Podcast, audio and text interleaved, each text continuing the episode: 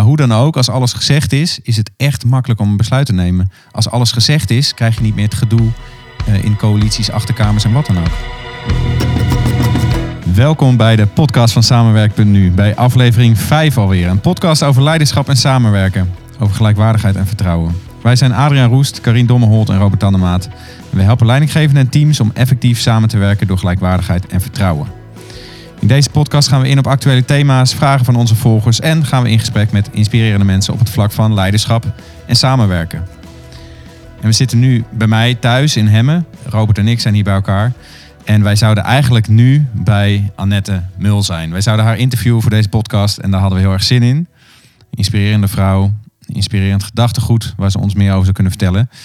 Maar uh, zij heeft een ongelukje gehad. Uh, heel vervelend voor haar. En toen dachten we, wat gaan wij doen? Laten wij eens onze methodiek gewoon uit gaan leggen aan jullie. We hebben een methodiek, de methodiek Beter Besluit. En een methodiek die helpt om uh, op een gelijkwaardige manier, een effectieve manier uh, met elkaar in gesprek te zijn, te vergaderen en besluiten te nemen. En we gaan er twee afleveringen aan wijden. Die gaan we vandaag allebei opnemen. En één gaat over uh, de gespreksregels of procesregels. Dus een soort, eigenlijk een soort spelregels voor een overleg. En dan de volgende podcast gaan we in op uh, hoe kom je nou van een onderwerp naar een besluit? Hoe kom je uit die besluiteloosheid of dat eindeloze praten? Hoe kom je eruit? Hoe kom je tot een besluit? Dus uh, we beginnen vandaag met de uh, gespreksregels. Um, wat zullen we doen, Robert? Gaan we ze eerst even allemaal oplezen of gaan we ze gewoon één voor één langslopen? Laten we eerst ze allemaal voorlezen. Ja? Wil jij dat doen? Een overzicht bij de start. Ja. ja, ja. De procesregels zoals wij ze, wij ze kennen. Ik, ik lees ze eventjes, eventjes voor. De eerste is werk in gespreksrondes. Iedereen krijgt elke ronde één keer het woord. Dan luister en laat elkaar uitspreken. Stel alleen vragen ter verduidelijking, geen discussie. Val niet in herhaling, benut de gezamenlijke spreektijd efficiënt. Herhaal de gespreksrondes totdat alles is gezegd. Formuleer dan een voorstel. En als laatste, neem een besluit met consent. Niemand heeft een overwegend beargumenteerd bezwaar. En die laatste is dan voor de volgende aflevering. Hè? Dus ik denk dat we daar die dan nu wel over kunnen slaan. Ja. Maar goed, dat zien we aan het eind van de rit wel. Of we daar toch nog iets over willen zeggen ja. of niet. Ja. uh, dus we beginnen met werk- en gespreksrondes. Iedereen krijgt elke ronde één keer het woord. Ja. Ik, ik zeg het heel vaak tegen mensen, zeg ik... Uh, uh, het komt eigenlijk hierop neer. Alles wat we doen is praten in rondes en hou je mond als je niet in de beurt bent. Precies. Dat is een soort samenvatting van het geheel. Dus eigenlijk wel de belangrijkste bijna. Ja. ja. Wat maakt die zo belangrijk voor jou?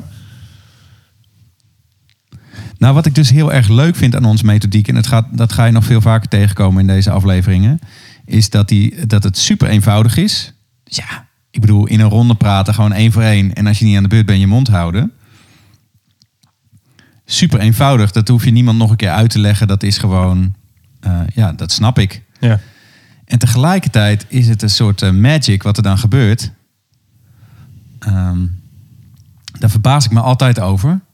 Omdat mensen, doordat ze dan niet mogen praten, opeens anders gaan kijken en luisteren naar degene die aan het woord is. Ja. En er ontstaat een soort rust van mensen die niet meer door elkaar heen praten. Maar het is veel makkelijker om aandacht te hebben voor degene die aan het woord is. Dat zit er ook in. Ik vond het gaaf dat ik op een gegeven moment een, uh, iemand die slechthorend is uh, in een training had. En die zei, oh voor mij is het ook zo fijn. Want ik kan eindelijk weer onderscheiden wat er gezegd wordt. In plaats van dat het een soort één... Uh, een blur is. Één blur is van allemaal geluiden. Nou, dat zijn een paar van die dingen waarvan ik denk, oh, dat is, dat is zo tof. En tegelijkertijd, dan ben ik wel benieuwd, vind jij het ook niet gruwelijk irritant wel eens? Heb jij nooit met die rondjes dat je denkt, ah. Nou ja, ik moet ook zelf wel eens op mijn uh, tong bijten, hè, om niet uh, ergens doorheen te gaan. en dat is vooral als andere, andere mensen het ook gaan, gaan doen. Dus als eenmaal de spanning eruit is, dan moet ik heel erg mijn best doen om het wel, wel voort te zetten. Als welke spanning eruit is, wat bedoel je dan? De spanning van we doen het in, we praten in rondes. Oh, dus als anderen voor een beurt gaan praten en Ja. zo, dan wil jij eigenlijk ook. Ja, ja. Ja, ja. En wat ik eigenlijk wel heb, heb gem- gemerkt in al deze tijd dat, ik- dat ik dit op deze manier doe en trainingen geef en met groepen bege- begeleid eh, in het in, in, in rondes praten. Wat mij, wat mij op ging vallen is dat wat het doet, het praten in eh, rondes, is dat zeg maar normaal, wat, dan, wat we als normaal vinden. ehm, zie ik, zie ik dat mensen heel vaak wachten totdat er ergens een adempauze is. En die, die, dan gaan ze er tussendoor om hun ding te kunnen zeggen. Dus, dus een groot deel van de groep zit in een soort permanente uh, overlevingsmodus om, om, hun, om hun zegje te kunnen doen. Kan ik? En, kan en- ik? ja. Kan ik? en, en gehoord te gaan worden. Want dat is toch ergens wel iets, ja, het, het soort diepste behoefte die daaronder onder eh, ligt. Ja. En, ehm, en wat ik merk als we in rondes praten, dan, dan komt dat, dat reptiele brein, daar heb ik wel vaker over gehad. Hè? Die, die overlevingsmodus die gaat uit het gesprek. Omdat je weet, ik kom aan de beurt. Dus mensen die ontspannen, die gaan een beetje achterover in een stoel zitten. In de wetenschap, ja, ik, ik kom toch wel aan de beurt. En het Ja. voordeel dan is, wat ik dan zie, is dat ze ook kunnen gaan luisteren naar degene die dan aan het woord is. Want heel vaak luisteren we niet eens. Ja, we zijn ergens aan het luisteren een klein beetje. We luisteren naar de adempauze. Ja. Of we luisteren naar het haakje om te kunnen zeggen wat wij willen zeggen. Ja, ja. Ik deelde vandaag nog op eh, LinkedIn. Een van mijn belangrijkste communicatielessen is dat luisteren gericht is op de ander. In plaats van op onszelf. Terwijl de neiging is in mensen om te denken van... En dat is in het kader van het overleven, denk ik. Van, oh, kan ik daar al tussen? En ik dacht, maar je hebt ook mensen... Dat is wel grappig. eh, ik denk dat jij eerder degene bent die dan denkt van wanneer kan ik ertussen. En ik was meer degene die gewoon ging praten. En dus ik zie het nog steeds wel eens als mensen dan iets zeggen en dan wil iemand anders ook wat zeggen. En dan is het een soort van dat het hoogste volume wint. Ik weet niet of je die kent, ik moet er altijd wel om lachen. ja, ja. Dan gaan twee van die stemmen gaan steeds harder totdat één stem zijn mond houdt. Dan denk ik, oh ja, dat is dus dynamiek die ook ontstaat. Dus je krijgt een soort dynamiek van wat eh, eh, iets minder praatgrage mensen of wat secundaire mensen, weet ik veel wat, die, die zitten te wachten op het moment dat ze er eventueel tussen kunnen komen. Je hebt mensen die, eh, die het niet snel genoeg gaan, kan gaan of heel graag iets willen zeggen. En die gaan gewoon een soort van bevechten wie, eh, wie er aan het woord mag komen. Ja. En al die strijd en dat zoeken, die is er gewoon uit inderdaad. Als je gewoon weet, nu ben ik wel aan de beurt en nu ben ik niet aan de beurt. Ja. Ja. Ik gebruik wat graag voorbeeld ook van een, eh, een, eh, een dominee die ik een keer in een groepje had. En mensen die dominees kennen, die weten dat die veel kunnen praten en overal wel verhalen bij hebben. En deze man die neemt altijd, nam altijd de hele ruimte als die kwam. Dus hij ging dan gewoon praten. Als hij binnenkwam, dan was dat wat er was. En toen zei ik, we gaan het een keer op deze manier doen. We gaan in rondes praten. Ehm, iedereen krijgt één keer het woord. En de lol was, toen hij aan de beurt... Hij hield dus de hele tijd zijn mond. Dus er was heel veel ruimte voor de anderen. En tegen de tijd dat hij aan de beurt was... kon hij heel scherp en puntig precies zeggen wat hij wilde zeggen. En was hij heel snel weer klaar. Ja, daar moet ik echt keihard lachen. Dat vind ik super leuk. Want dan denk ik, oh ja. En hij voelde zich nog meer gehoord ook. Ja. Dat is toch hilarisch? Dus degene die heel veel praat, die kan zijn mond houden. Die kan puntiger zeggen wat hij wil zeggen. En voelt zich ondertussen nog meer gehoord. Dan dat hij gewoon zijn gang kon gaan en eindeloos kon praten. ja. En eh, bij datzelfde groepje zitten ook een paar die heel secundair reageren. En die hoor ik dus zelden. Maar daar zit zoveel wijsheid. En die kwamen nu aan bod. En daar kwam opeens heel veel wijsheid vandaan. Ja, daar word ik heel blij van. ja. Ehm, hoewel ik het soms ook heel irritant vind om te wachten en niet er doorheen te kunnen gaan. Want ik heb een goed idee en moet ik nu wachten, een hele ronde wachten tot ik dat goede idee in kan brengen. Maar dat gaat zo over mij. En als ik dan stil kan staan bij, eh, bij zowel die praatgrage persoon die zijn mond, die op zijn tong zit te bijten, maar echt wel iets in te brengen heeft. Of die persoon die er normaal nooit tussen komt, maar die ik eigenlijk keihard nodig heb, want daar zit vaak de meeste wijsheid. Dan kan ik mijn mond wel weer houden. ja. Ja. Wat schreef je op? Jij wou nog iets zeggen. Ja, ik, ik waren nog een paar, paar dingen die hieromheen eh, rondom eh, door me heen gingen. Is dat, dat ik, als ik dit doe, ehm, dat sommige mensen het heel fijn vinden. En dat sommige mensen het van nature heel irritant vinden.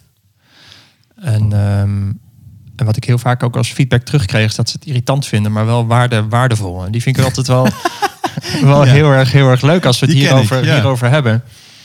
Omdat mensen dan. ehm, ehm, het, omdat het zo anders is dat we gewend zijn. Hè? We zijn zo gewend om het normaal is door elkaar heen praten. Een beetje platgeslagen ge- gesteld. En dat geeft dan een gevoel van effectiviteit of zo. Ik weet niet hoe we erbij komen, maar dat is dan wat we wel als normaal vinden. Energie, er zit er een beetje vaart in. Ja, precies. En er zit, er zit een spanning in. En we, we kunnen in ieder geval een discussie met elkaar aangaan of zo. Alsof dat dan iets, ook iets oplevert, dat, dat is dan nog maar een tweede. Maar dat is wel het gevoel. Het geeft ons in ieder geval het idee van dat we effectief zijn of dat we iets bereiken. Ja. Eh, en dat is wel lastig als je dus in zo in die rondes praat. Hè? Dat je dus niet, niet niet meteen reageert op el- elkaar. En heel veel mensen vinden, vinden dat gewoon lastig, omdat het anders is dan dat, dat we ge- gewend zijn. Maar als we het blijven doen, eh, dan levert het wel wat op. En dat is dus die feedback die ik wel krijg, ook in, ook in teams en organis- organisaties, in, in bouwteams met pro- professionals bij, bij, bij elkaar. Dat men zegt van, ja, ik vind het super irritant, eh, maar we hebben er wel wat, wel wat aan. Dus Ja. die, die, die, die spanning en die feedback vind ik dan heel erg eh, leuk. Ja, ja. Ik dacht nog wel, misschien moeten we jou als luisteraar nog wel even waarschuwen. Bezint eer begint. Ik kan er dus echt heel Je kan slecht nooit meer tegen. terug. Nee, ik kan niet meer terug. en als ik dus ergens nu, en dat gebeurt gelukkig zelden, dat is, heb ik door de jaren heen wel aardig kunnen elimineren. Maar als ik nog een keer in een vergadering zit waar ik zeg maar niks in te brengen heb, of waar ik geen rol heb en maar mee moet doen met de cultuur zoals die is, dan kan ik, daar haak ik helemaal af. Ja. En, dan, en ik snap dat mensen denken van, oh, hier zit energie in of hier zit discussie in. Maar ik mis dan zo snel diepgang. En ik mis besluitvaardigheid, mis ik vaak. Ik mis vaak ook helderheid van, oh, hier hebben we het dus over en hier hebben we het niet over. Ja. Gewoon omdat we meer in de flow maar dingen op tafel gooien. Sprak ik, vandaag sprak ik nog iemand die zei ook van, ja, dan zo'n hele energieke vergadering van een uur, anderhalf uur. En dat iedereen de ruimte loop, uitloopt met, zo, dat was lekker. En ook, we hebben het eigenlijk over gehad dat gevoel heb ik altijd. En denk ik, laten we in die ronde en laten we even luisteren. En, en denk ik, oh, wat is dat dan? Terwijl ik het nu zeg, denk ik ook, wat is het dan? Dat is toch echt die reflectie, doordat je je mond moet houden. Dat je ook gewoon de tijd krijgt om even na te denken, wat vind ik er eigenlijk van? Maar ook de tijd krijgt om na te denken, waar hebben we het eigenlijk over? En ook de tijd krijgt om na te denken, maar moet ik nou eigenlijk nog wat van zeggen hiervan of niet? Of Ja. en die tijd, als we die niet nemen, dan missen we die uiteindelijk. En ik denk dat dat wel is van de mensen die zeggen van... Ja, ik vind het irritant, maar ik wil niet anders. Omdat ze zeggen van ja, hoe irritant het ook is... het leidt uiteindelijk naar een diepere laag... of meer naar de essentie, of meer naar een besluit. Of, nou ja, en uiteindelijk daardoor ook meer naar effectiviteit. En daarom blijven we toch maar wel gewoon doen. Ja, ja. ja wat, wat ik vaak zie gebeuren als we het niet doen, hè, en, ik, en ik herken wat je zegt, dat, het heel, erg dat ik het ook heel erg lastig vind als ik nu dus in overleg zit waarin dit niet gebeurt. En een soort primaire reactie is dan maar om een soort gespreksleiding te gaan nemen, waar ik ook niet altijd zin in, zin in heb. Zo. Ja. Ehm, maar wat, ik merk als, als, het, als je dus niet in rondes praat, wat je heel vaak hebt, en dat is misschien dat, dat gevoel wat men krijgt van er zit heel veel energie in, is dat het een soort vrij associëren wordt op persoonlijke meningen. Zo, dus jij zegt wat en ik moet ergens aan denken, dat gooi ik eruit en dat doet bij jou weer wat of bij de ander. En, en dat is ook wel vaak wat je ziet dus in overleggen, dat je met, met één onderwerp begint en met een paar minuten al heel ergens anders bent. En, en dat maakt het ook uiteindelijk, het is wel leuk en het geeft wel energie, want je kan vrij je mening geven en reageren op elkaar. En dat proces van reageren op elkaar en meningen geven is natuurlijk iets wat, wat we persoonlijk heel fijn kunnen vinden. Hè. Oh, ik word eindelijk gehoord in wat ik, wat ik ervan vind. Maar of je als groep ook echt dan wat opschiet, dat is dan, schiet dat er meestal bij in. Ja. Iedereen heeft wel zijn zegje kunnen doen en zich- zichzelf kunnen uiten en kunnen ventileren. Maar of je als groep ergens aan gebouwd hebt, aan iets wat creatief is of wat, wat, nog, wat je nog eerder nog niet had be- be- bedacht of wat ook structureel ergens een bijdrage aan eh, levert, dat is dan waar het vaak aan ten koste gaat. Ja. Ja. En dat is wel het voordeel als je het wel doet door in rondes te praten. Omdat je juist uit die primaire ik wil praten reacties of ik wil gehoord worden reacties komt. En eigenlijk gaat luisteren. En in een soort wat creatievere modus komt ook met elkaar. Waardoor je met elkaar wel gaat bouwen aan iets gezamenlijks wat waarde heeft. Ja. Ik zat nog te denken aan een gesprek wat ik van de week had met iemand die een eh, brainstorm sessie zou gaan doen met een groep mensen. En die zei, hoe doe ik dat nou op een goede manier? En die vraag krijgen we wel vaker ook in de zin van, eh, moet nou altijd alles in een rondje? Ja. En wat ik tegen haar zei van de week is, eh, je zou bijvoorbeeld met post-its kunnen werken. Dat je eerst eens vraagt aan iedereen om op te schrijven wat voor ideeën heb je allemaal. En ga die gewoon eens opplakken.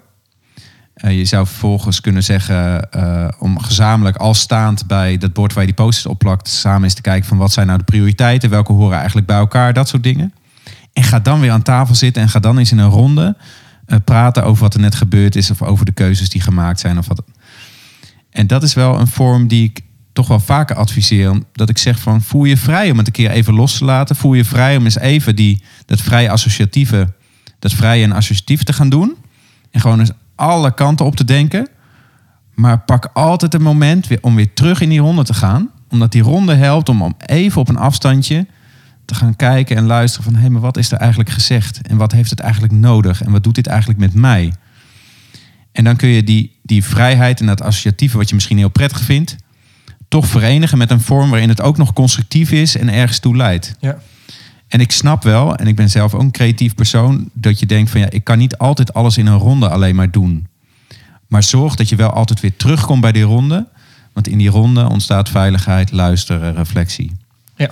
En daar ontstaat uiteindelijk effectiviteit. We gaan straks nog die andere regels ook pakken. We gaan de volgende aflevering over die stap hebben om van een onderwerp naar besluit te komen.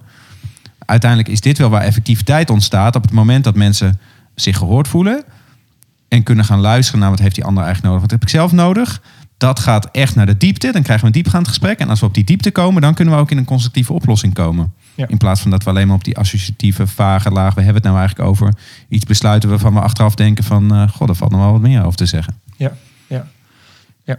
ja dit praten in eh, rondes, hè, dat is eigenlijk gewoon de strategie om die 1 plus 1 is 3 te bereiken. Ja. Ja, dat, dat is waarom het er is. Ja. Nou, dat is wel grappig dat die bouw, bouwteam persoon die zegt van wat vind ik het irritant, maar we blijven het wel doen. Ja, Dat is het uiteindelijk. Hè? Dat je zegt Ja. van ja, dit is gewoon een strategie die uiteindelijk voor ons doel werkt. Want wij willen graag goede afspraken maken die gedragen worden door iedereen.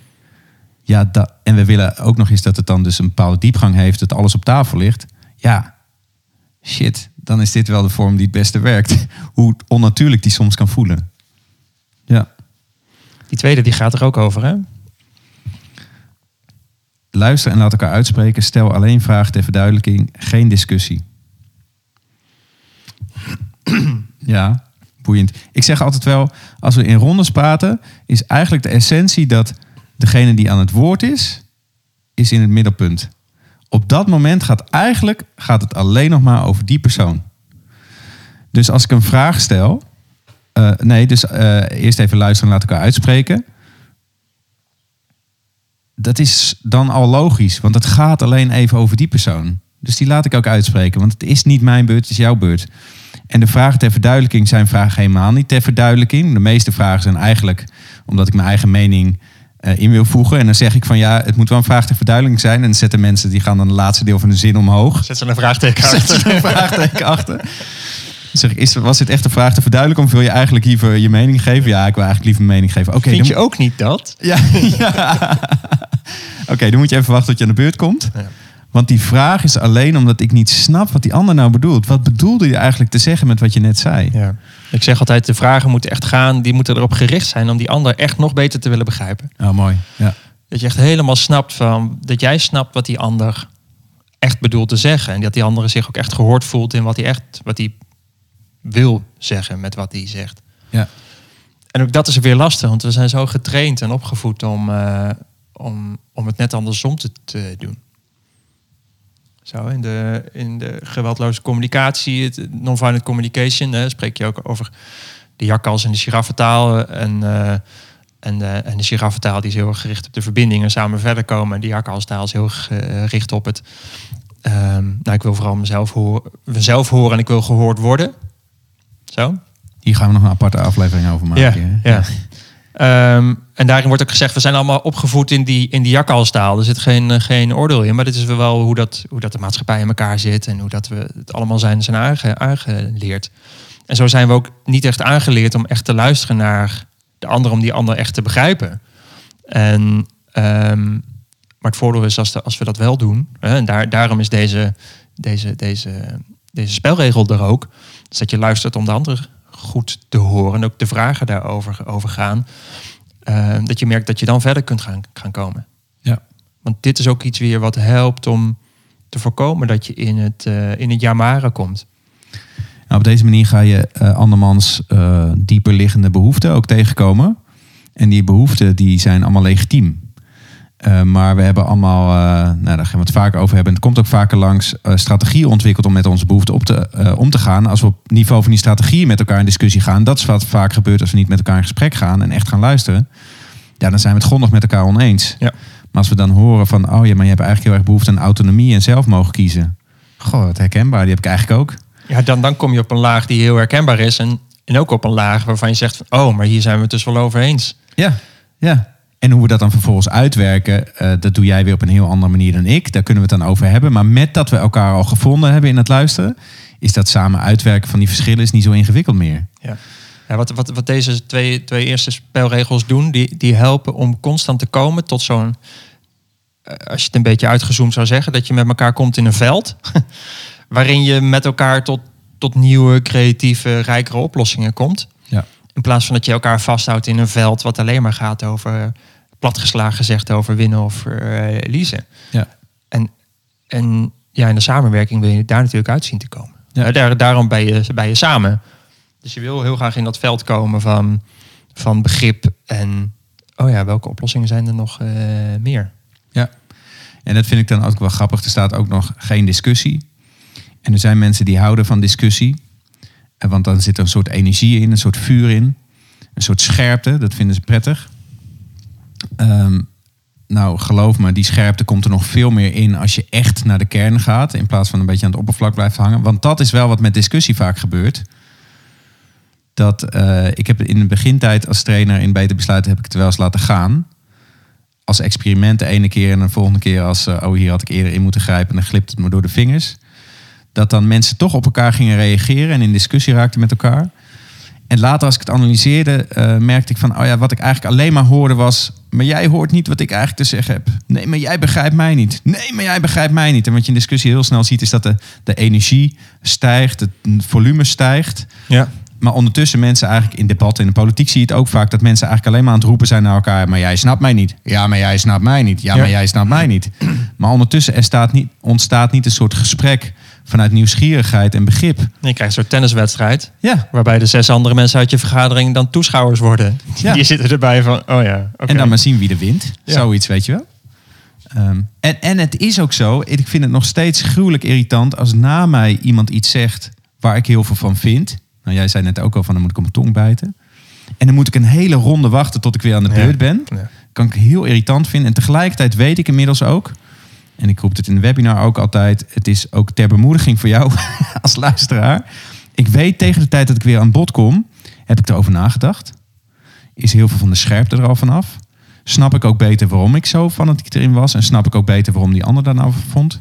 Ben ik ook al geholpen door de andere teamleden in hun reacties om te bedenken: oh ja, oh ja, maar dat ben ik het eigenlijk al mee eens. Oh, die voel ik eigenlijk ook wel. Oh, maar daar gaat het eigenlijk over. En tegen de tijd dat ik aan de beurt ben, is mijn bijdrage zoveel constructiever.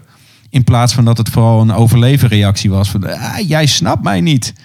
Oh nee, maar jij bedoelt dus dit, ik bedoel dat. Oh, en daar zit nog wel echt een verschil tussen. Dat is wel ingewikkeld. Ja, exact. Ja. Precies. En Ja. dan komen we in gesprek. En daar wordt het wel iets zachter van. Ja? Dus soms zeggen mensen van ja, dan mis ik een soort scherpte. Ik, daar ben ik altijd nog wel nieuwsgierig naar. Misschien heb jij daar een woord van wijsheid over. Van wat, wat is dat dan die scherpte? Want uiteindelijk ontstaat. Er is ook minder gedoe in teams als je op deze manier gaat overleggen. Eh, en je komt echt verder als team. Maar sommige mensen lijken toch wel van die wedstrijd te houden. Maar die wedstrijd gaat eruit. Ja. Heb je daar een woord van wijsheid over? Ik weet niet of, of het precies wijs is, maar terwijl wat ik, wat ik wel, wel zie is dat ehm, ja, als je met een, met een groep wat wil bereiken en je gaat een proces in, of gewoon nou, je gaat iets doen samen, dan kan het ook zijn dat je eerst nog de, de, de, de oude frustraties tegen gaat komen. En eh, het kan voor mensen heel fijn zijn als ze wel in hun scherpte, dat ze die op tafel kunnen leggen en daarin gehoord worden. Omdat het gewoon een gevoel geeft van erkenning voor frustratie die er nog zit. Of eh, gezien willen worden over waarin dat nog niet eerder is, gebe- is ge- gebeurd. En heel vaak komt in die discussie, in die scherpte, word je soort uitgenodigd om dat helemaal te laten zien en te gaan. En het is als gewoon een soort behoefte aan, aan jezelf kunnen uiten. Of dat constructief is voor de groep, dat is nog echt nog maar de vraag. Ehm, maar daar gaat, daar gaat dat proces dan ook niet over. Dat gaat over, ik wil gehoord kunnen worden in mijn, wat ik zo belangrijk vind. En met de vuist op tafel en dergelijke. Ehm, dus het heeft ook een bepaalde rol. En eh, die gaat er dus wel uit als je dus dat in die rondes doet. Dus het kan ook wel zijn dat sommige mensen dan ergens blijven zitten met die, met die ik wil daar nog wat mee zo. Hè? Dus het kan ook zijn als je zegt van nou, ik merk dat dat speelt, ik besteed er even aandacht voor. Ik geef er ruimte aan. Weet je, dan kan ik een ronde Ja. doen van, eh, nou vertel nou eens echt hoe het voor jou voor jou is. Ja. Dus die, die kan wel helpen. Ja, wat, wat wel inderdaad een mooie aanvulling hierop ook wel is, is dat mensen als op deze manier gaan samenwerken of voor het eerst hiermee kennis maken, dat er een soort eh, verlangen aangeboord wordt van we moeten het goed hebben met elkaar, want we willen luisteren naar elkaar en dat soort dingen. Waardoor mensen zomaar eh, niet meer zo scherp zeggen wat ze eigenlijk vinden. Dus als ik een, eh, een introductieworkshop doe met een team, ik laat de methodiek ervaren. Eh, dan hebben we een fictieve casus en dan gaan ze altijd een eerste ronde gaan ze altijd eh, over het algemeen heel sociaal wenselijke dingen zeggen. Ja, het is wel belangrijk dat iedereen zich prettig hierbij voelt en weet ik veel wat. En dat hoeft dus niet meer, omdat iedereen aan bod komt en we geen wedstrijd meer te winnen hebben en dus ook niet meer ons nederig op hoeven te stellen. Nee, we komen allemaal aan bod. Kun je dus ook gewoon gelijk al heel scherp zeggen: Ik vind dit niks, ik wil niet daarheen, ik hou er niet van, bla bla bla. En dan zeg ik als gespreksleider: Was dat wat je wou zeggen? Ja. En dan gaat de volgende. En vervolgens heb ik een ronde lang om te luisteren naar die andere en eens na te denken: Hé, waarom vind ik dit nou zo scherp? Dus ehm, in het kader van ik hou van scherpte, ga dan ook maar gewoon in de ronde heel scherp zeggen wat je ervan vindt. Als je, echt, als je er echt scherp iets van vindt, hè, je hoeft er geen spelletje van te maken, maar als je er echt scherp iets van vindt, ga dat dan gewoon Ja. maar zeggen. Graag. En weet dat dat gehoord wordt. En met dat dat gehoord wordt, gaat de angel er voor jezelf waarschijnlijk al een beetje uit. En, en appelleer je ook de rest van het team om actief mee te gaan denken van, oh ja, maar wat vind ik er dan eigenlijk van? Maar daar mogen ze gewoon in hun eigen beurt dan gewoon de tijd voor nemen. Ja, ja. Daar, daar, dat helpt heel goed, in, ook in deze stru- structuur. Ik heb al ook overleg gehad met, met buurtparticipatieprocessen. Waar men dus vaak al komt met een soort voorgeschiedenis. Of dat die bewust of onbewust is. Dat is nog even de vraag. Maar heel vaak zitten mensen met frustraties over gemeenten. Dat het allemaal niet, niet, niet werkt. Ehm, dat daar best wel veel frustratie en irritatie al bij het begin al zo by default aan, aanwezig is. En ik heb heel erg gemerkt om daar gewoon ruimte aan te geven. Dat mensen gewoon ook konden, kunnen zeggen van ja, ik ben hier erg kwaad over. Oké, dank je, ik heb je gehoord. En nu is de volgende zo. Ja. Dat, het, dat het de end kan zijn. Eh, het leidt niet tot een soort kettingreactie van boosheid. En voor je het weet eh, bij je ruzie maken met, met elkaar. Dus het krijgt ruimte, het mag er zijn. Maar het verstoort niet. Dus, het, dus Ja. het, het kan ook wel gewoon mooi landen in de groep. Ja, ja. Het is ook leuk nu om even dan tranen ook te noemen. Want die zou je ook op dezelfde manier kunnen Ja. zien. Dus eh, gaat iemand huilen in je team, in je vergadering. En dat zou je kunnen zien als iemand eh, is dan aan de beurt om zijn of haar verhaal te vertellen. En gaat huilen. Dat is het verhaal wat die persoon vertelt. En dat mag er dus gewoon zijn. Daar gaan we niet doorheen praten. We gaan er niet voor zorgen, weet ik veel wat. Want dat doen we niet. Hè? We laten die persoon. Ehm, wat ik vaak, eh, als er geen vragen overkomen, dan zeg ik van, is dit eh, voor nu even wat je wilt of heb je nog iets nodig? Zegt nee, ga, ga maar even door. En heel vaak kan die persoon de volgende ronde gewoon er iets over zeggen. Waarom moest ik nou huilen? Snap je nou helemaal niet waarom die persoon huilt? Dan zou je een vraag ter verduidelijking kunnen zeggen, eh, stellen. Zo van, oh, ik wil heel graag snappen wat er nu gebeurt bij je. Zou je er iets over kunnen vertellen? Maar dat is echt om te begrijpen waarom die ander nou aan het huilen is. Ja. En dat vind ik wel grappig, dat, dat je daarmee dus het echt bij de ander laat. Niet in een soort allemaal hulpreflexen of weerstandreflexen of wat dan ook schiet. Eh, een vraag kan stellen om die ander te begrijpen. En als het dan helder is of genoeg is, dan gaat de beurt door.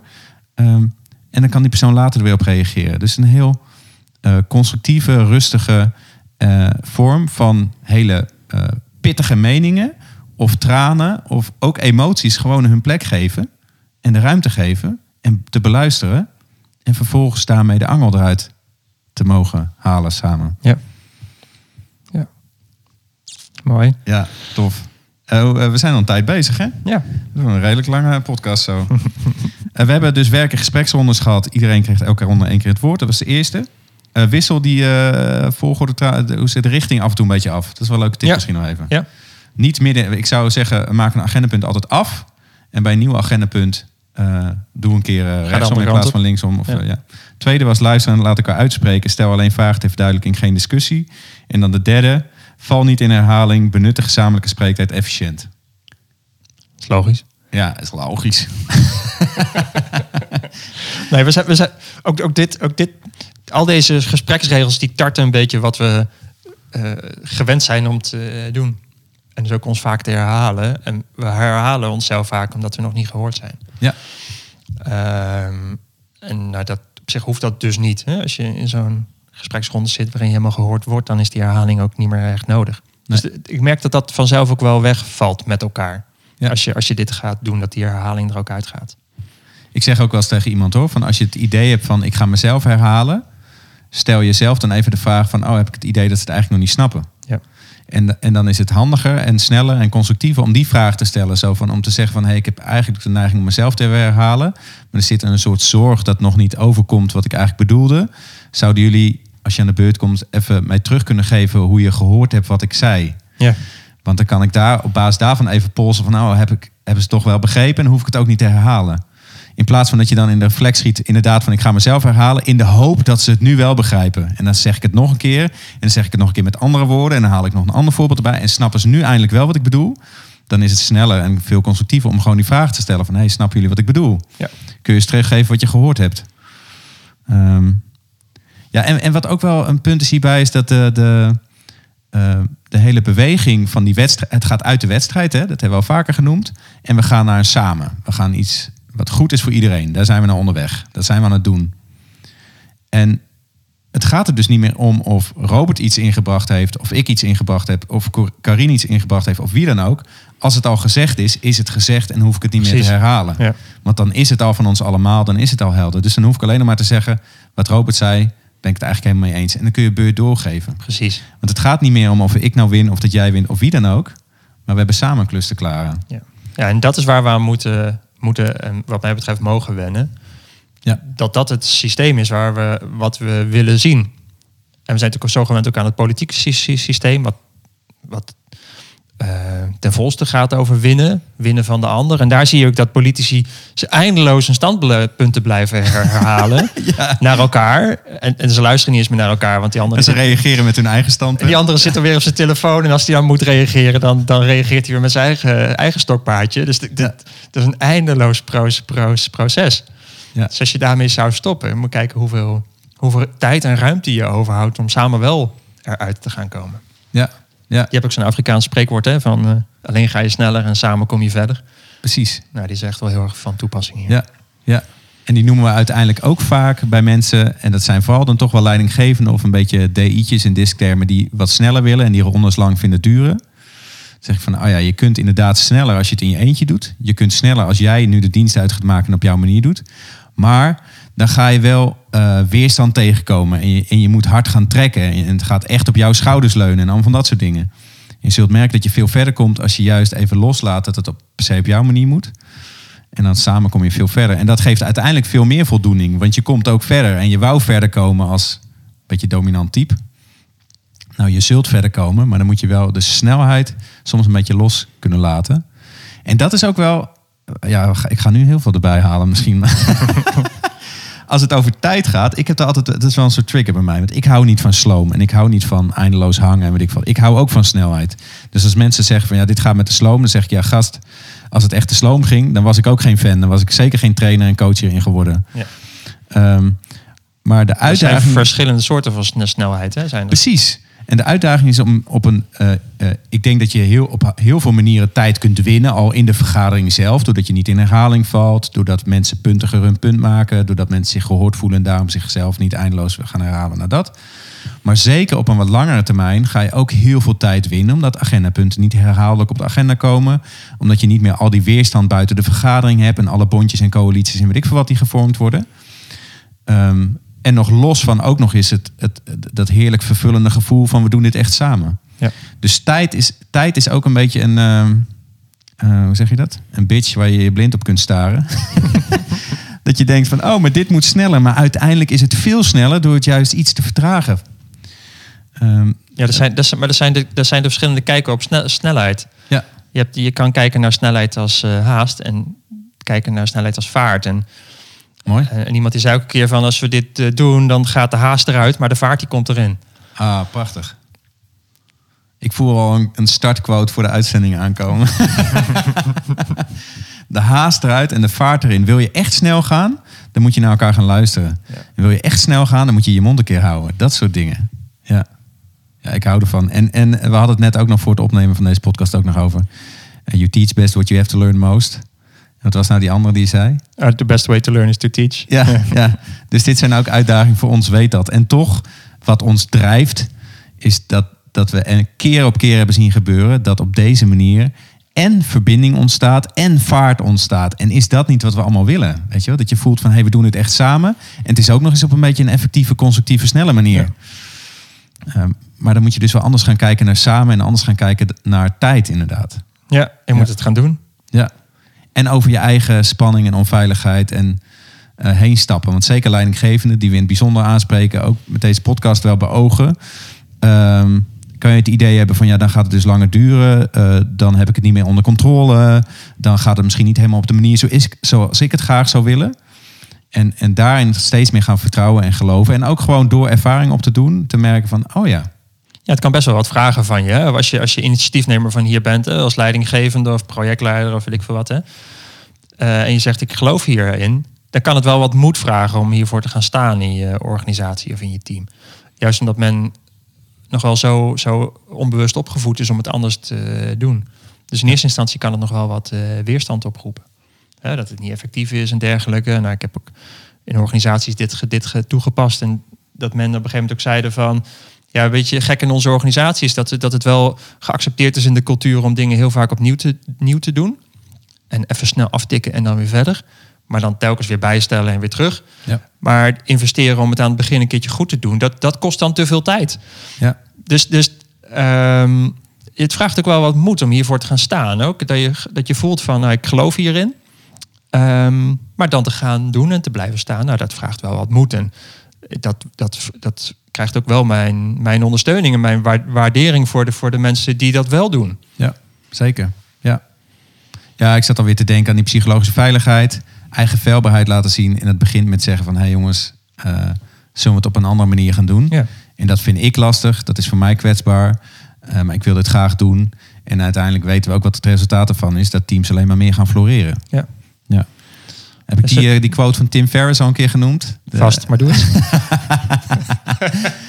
een schrijver van onder andere het boek, wat is het, vier uurige werkweek.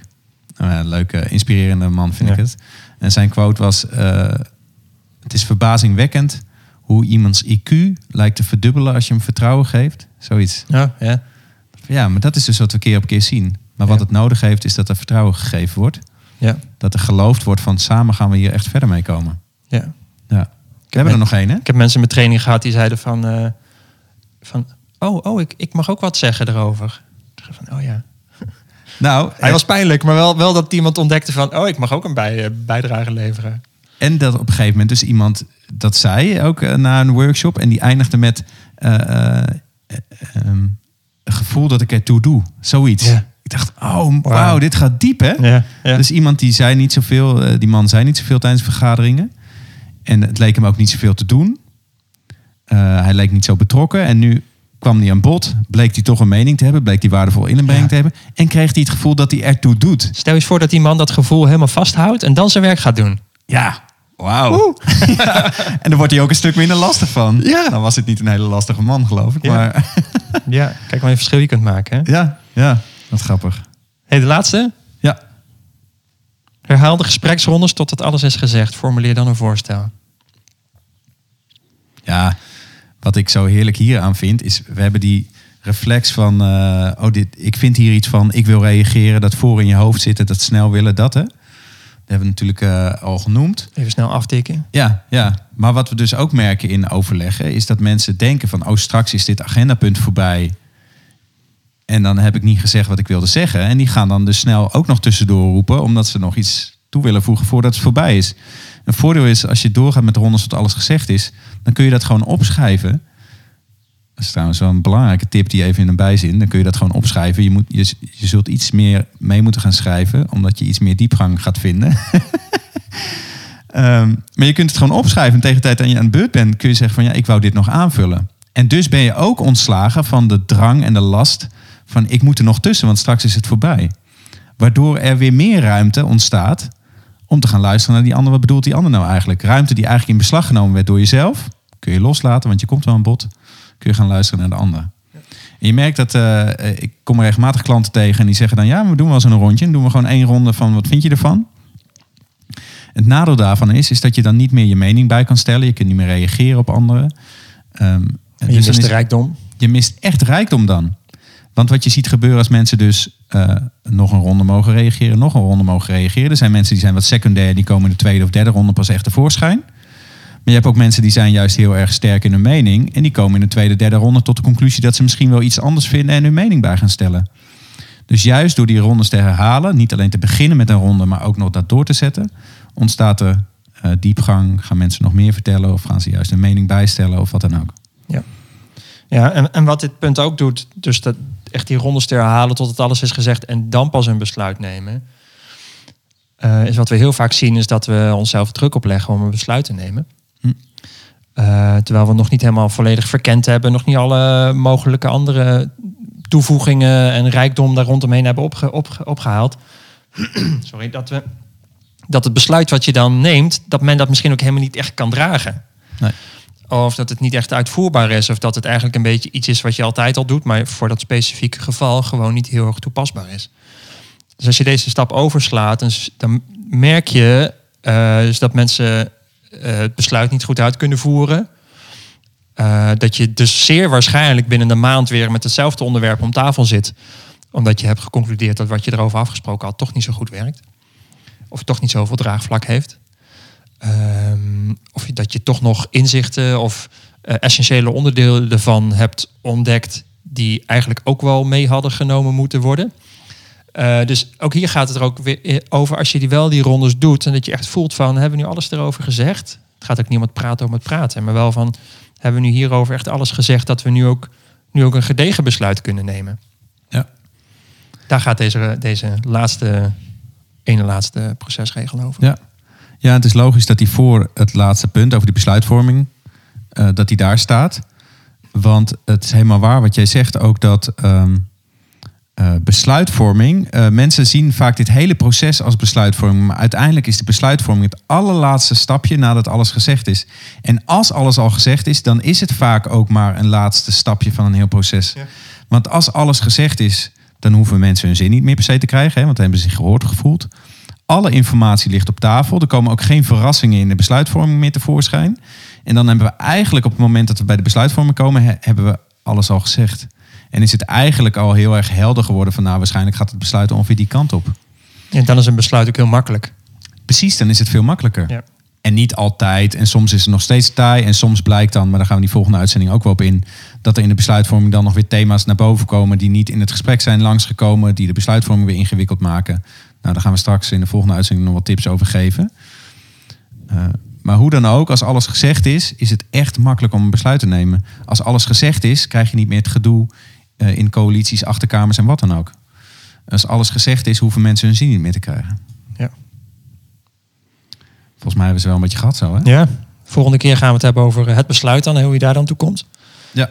Dat was één ding wat ik nog wel wilde, wilde zeggen, is dat men dan vaak zegt van ja, maar, maar dit werkt toch niet in grote groepen? Oh ja. Zo, dat, vind ik, dat is iets wat, wat heel vaak uh, gezegd wordt. En ik dacht eerst van ja, ja, dat klopt wel. Totdat ik me besefte van ja, maar de andere, wat we dan wel normaal vinden, dat werkt ook niet in grote groepen. nee, dat klopt ja.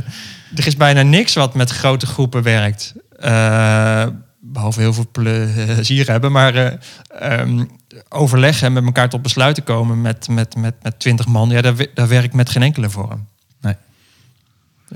Nee. Daar zeg ik altijd wel bij. De belangrijkste vraag is: wil je samenwerken op een manier die recht doet aan iedereen? Wil je samenwerken op een manier die, uh, waar iedereen zich veilig bij voelt, waar iedereen gelukkig van wordt? Wil je samenwerken op een manier die, die draagkracht, draagvlak geeft, die uh, plezier geeft, die uh, succesvol is, die effectief is? Ja? Oké, okay, dan wil ik daar eerst een ja op horen. En als je dan ja zegt, dan gaan we daarna wel een vorm vinden die werkt ja. voor jouw organisatie. en ik noem altijd voorbeelden van, ik weet niet hoe die scholengroep nou heet. Ik weet dat een paar conculega's van ons daar voor die groep uh, werkten. En die hebben een directeurenoverleg met 26 man of zo, of 28 man. En die werken ook in rondes. Maar er komen dus heel andere dingen dan bij kijken waar je dan op moet letten. Maar het begint met die eerste vraag: wil je het doen op een manier die goed is voor iedereen en ook nog eens effectief en succesvol is? Ja. En nog één ding wat ik wil zeggen: uh, ga je mee aan de slag? Want juist in de praktijk ga je tegenkomen waar je tegenaan loopt en ga je ondervinden hoe het werkt. Die tip gaan we je vaker geven. Ga het gewoon doen. En in het zeg maar op je bek gaan, haal ons erbij en zeg van hé, hey, hoe zou je dit zus en zo dan doen? En als je het wil introduceren in je team, vlieg het aan als een experiment. Dus zeg van jongens, ik vind het heel belangrijk dat iedereen aan bod komt. Ik vind het ook belangrijk dat we effectief samenwerken. En ik heb de indruk dat deze methodiek erbij zou kunnen werken. Ik wil dit graag eens proberen. Want als je zegt van we gaan het anders doen, dan krijg je geheid weerstand. Van mensen die het spannend vinden of die überhaupt weerstand hebben op veranderen of wat dan ook. En als je zegt we gaan het experimenteren, dan bouw je voor die persoon die het spannend vinden, bouw je eh, ruimte in om te zeggen ik vond het toch niks.